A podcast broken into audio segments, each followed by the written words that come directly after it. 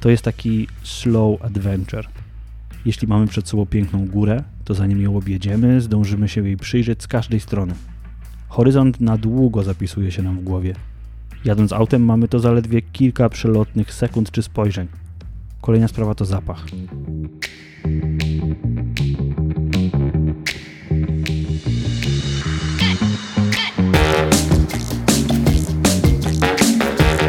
Cześć, z tej strony mikrofonu Piotr Peszko, a to jest kolejny odcinek podcastu rowerowego. Mam takie małe ogłoszenie na początek. Po pierwsze, nie zamierzam liczyć tych odcinków w innych podcastach. Liczę odcinki i zawsze zapominam, który to jest numerek. Czy 80, czy 90, czy sezon pierwszy, drugi, czy trzeci, więc niniejszym postanawiam przestać liczyć odcinki. Druga rzecz jest taka, że dzisiaj to będzie pierwszy odcinek podcastowy dotyczący recenzji. Recenzji książki, oczywiście rowerowej. Jest to książka Kuby Witka pod tytułem Ring Road dookoła Islandii na rowerze. Kuba Witek to jest człowiek, który urodził się w Krakowie, wychowywał w Kielcach, jest filmowcem, wokalistą, tekściarzem i podróżnikiem. Tak przynajmniej o sobie pisze. Jest uczestnikiem, liderem inicjatyw muzyczno-multimedialnych na całej Europy, angażuje się w działania pozarządowe, współzałożyciel zespołu Zaburzenia. Więcej na jego temat możecie znaleźć na stronie kubawitek.com i on nie jest sponsorem tego odcinka, ponieważ nikt nie jest sponsorem tego odcinka. Ten odcinek jest autosponsorowany przeze mnie i bardzo się cieszę, że jest autosponsorowany, bo nie muszę niczego chwalić ani mm, niczego polecać. Co się okazało? I w ogóle jak, moja, jak ta książka trafiła w moje ręce. Ponieważ ta książka trafiła w moje ręce bardzo tanio, internetowo, ktoś na grupie ogłoszeniowej, jakiejś takiej Kraków coś tam, wrzucił tę książkę i że ona jest do kupienia za 10 zł.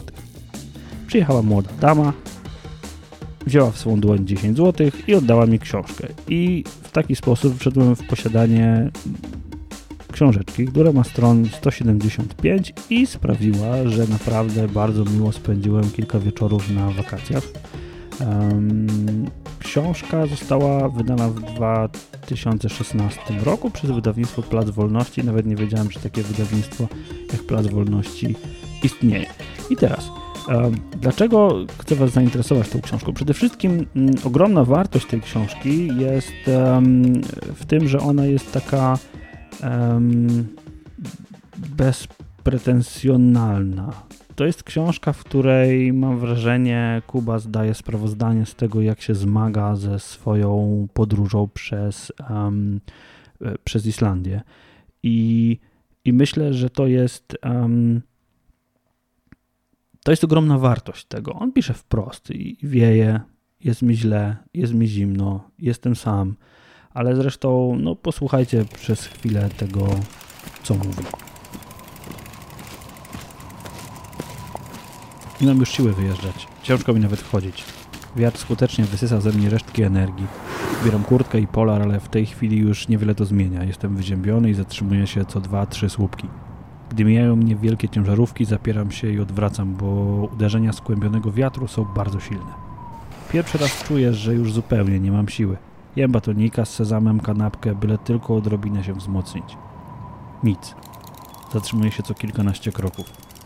Szczytu wciąż nie widać, a ja czuję, że coraz bardziej mi słabo. Staram się ocenić sytuację i zastanowić się, co powinienem zrobić. Nie chciałbym zasłabnąć w takim niebezpiecznym i ruchliwym miejscu. Kładę rower na poboczu i siadam na kamienistym podłożu. Wiatr wieje mi niemusiernie w plecy. Odpoczywam kwadrans i walczę dalej, choć martwię się, czy będę miał siłę na długi zjazd ze szczytu. Te nagłe zmiany pogodowe są na Islandii najniebezpieczniejsze. W jednym momencie świeci słońce i jest spokojnie, a nam wydaje się, że mamy jeszcze zapas energii. Nagle pojawia się ten zimny, przeszywający wiatr i okazuje się, że jesteśmy już wyczerpani.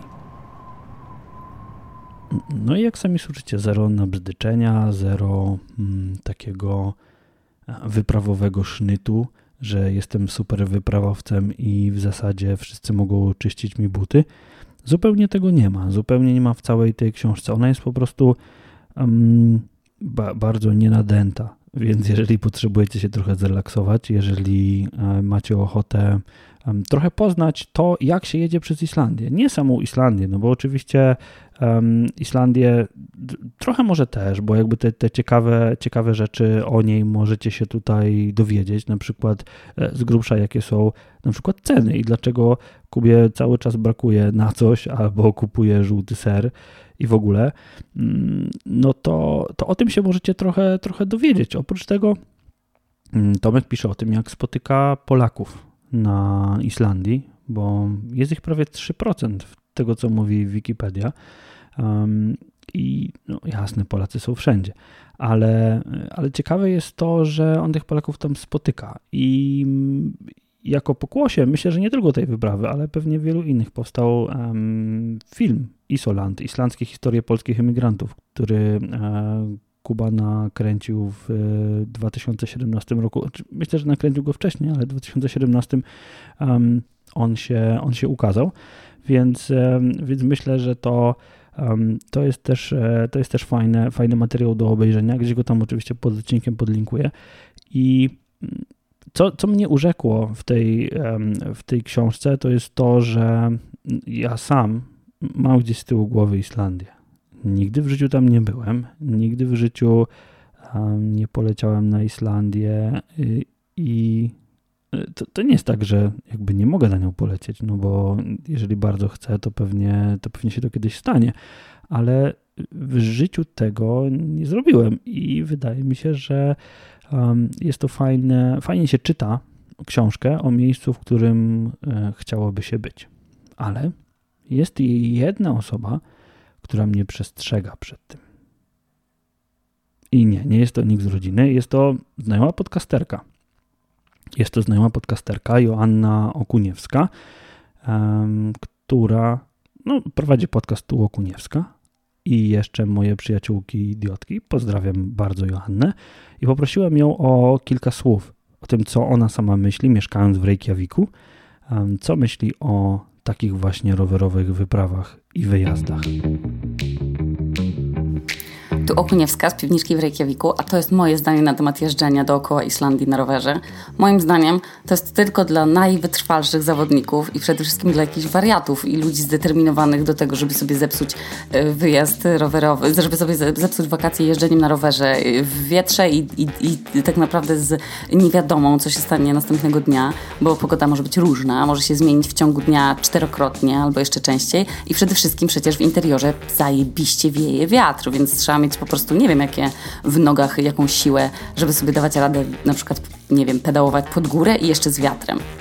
No, natomiast też widzę dużo e, na grupach, e, dużo jakichś e, takich poszukiwaczy kawałka podłogi, że ktoś podróżuje z plecakiem i z namiotem, rowerami i nie ma noclegu, bo a pogoda nie, nie dopisuje, więc czy może się u kogoś skimać. Także no takie są realia. No. Jak jest pogoda, to można pedałować, ale jak nie ma pogody, słabo. No właśnie, słabo. I, I to słabo z tej książki wyziera.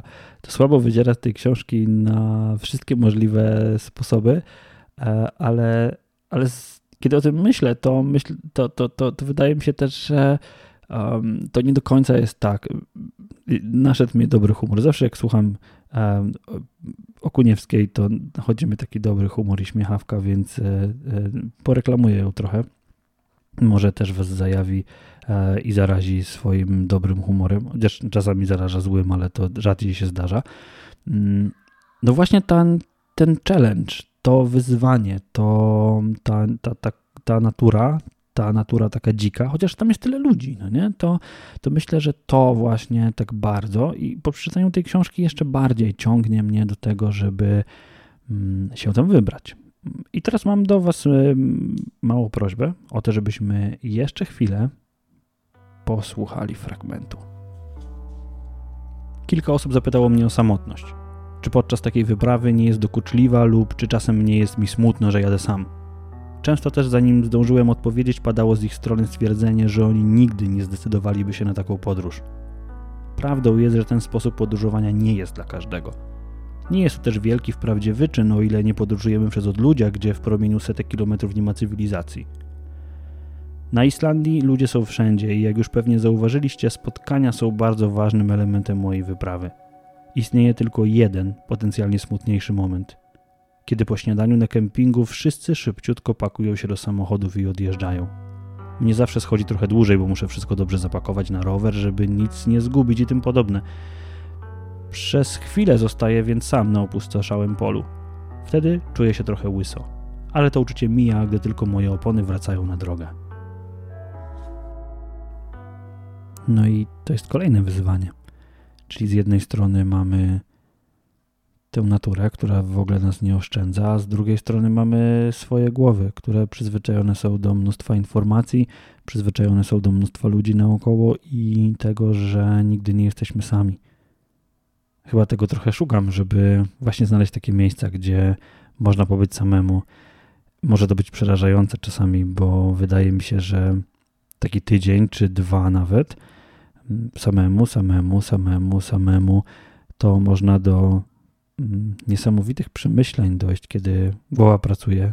No, myślę, że na rowerze to pracuje pewnie mniej, bo myśli prawy, lewy, pedał, prawy, lewy, prawy, lewy, prawy, lewy, albo, albo liczy. Mnie się zdarza liczyć. Nie wiem, czy się wam tak zdarza.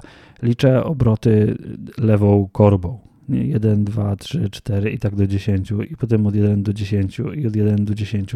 Nauczyłem się tego słuchając takiej, korzystając z takiej aplikacji Headspace. Ja wiem, że strasznie dużo mam dygresji w tym podcaście, ale trudno, to jest mój podcast i mogę sobie te dygresje robić i wiecie co? Zdarzyło mi się tak mocno wkręcić w to liczenie, mm, że było to wręcz takie medytacyjne. E, jechałem, jechałem, jechałem, jechałem bez konkretnego celu, po prostu jedną drogą prostą gdzieś tam i tak mocno się zamyśliłem, że mm, tak mocno się skupiłem na tym liczeniu, tak mocno się skupiłem na jechaniu, że po kilkudziesięciu minutach, dosłownie po kilkudziesięciu minutach, e, myślę, że jakichś 40, zorientowałem się, że jestem naprawdę całkiem daleko i, i ta średnia, potem jak analizowałem sobie um, ślad, który tam wyszedł, ta średnia wyszła naprawdę, naprawdę duża, więc, więc myślę, że um, no to jest ciekawe zjawisko. Ciekawy jestem, czy Kuba takie doświadczenia, takie doświadczenia z tej wyprawy miał. Mm, I to powoli doprowadza nas do ostatniego fragmentu, który chciałem Wam zacytować. Chciałem to zrobić dlatego, że Kuba wspomina w nim tytułowe Slow Adventure. Auto jest oczywiście bardzo wygodne. Można zobaczyć naprawdę sporo interesujących miejsc w stosunkowo krótkim czasie. Podobnie ma się sprawa z kamperem.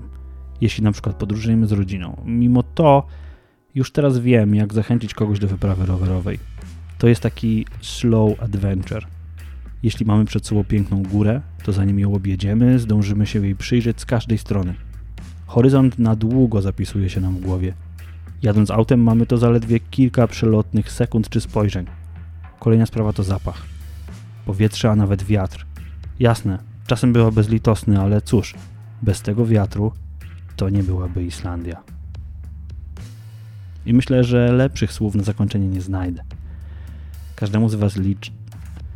Każdemu z Was życzę takiego właśnie slow adventure. Nawet jeżeli śmigacie super wyczynowo swoimi szosami albo e, w jedną stronę rowery wypychacie, a w drugą stronę zjeżdżacie, to życzę Wam właśnie takich slow adventure, takich powolnych przygód, gdzie możecie sobie daną górę, dolinę, las obejrzeć z każdej strony i skupić się na tym, jak one naprawdę wyglądają, jak pachną i jak wyglądają z każdej strony i jak wyglądają, kiedy przypatrujecie się im długo. Dziękuję Wam bardzo za uwagę, a na sam koniec mam takie ogłoszenie.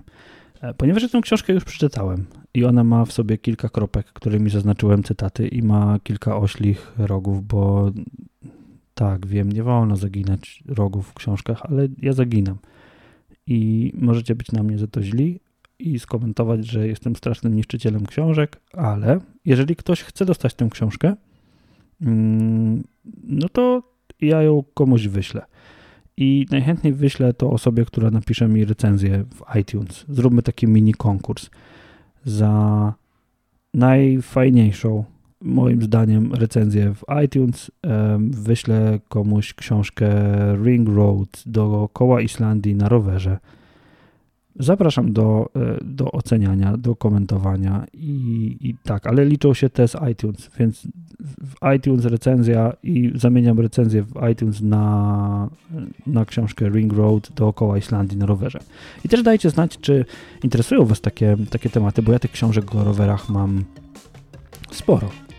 Mam książkę o tym, jak ludzie rowerami jechali po Amazonce, a ostatnio wszedłem w posiadanie niesamowitego albumu Japanese Steel o japońskich rowerach ze stali i są tam takie rowery, że hmm, głowa mała. Chciałbym mieć ich połowę pewnie. No ale tak czy inaczej, wy do dzieła, a ja do przygotowania kolejnego odcinka. Do usłyszenia.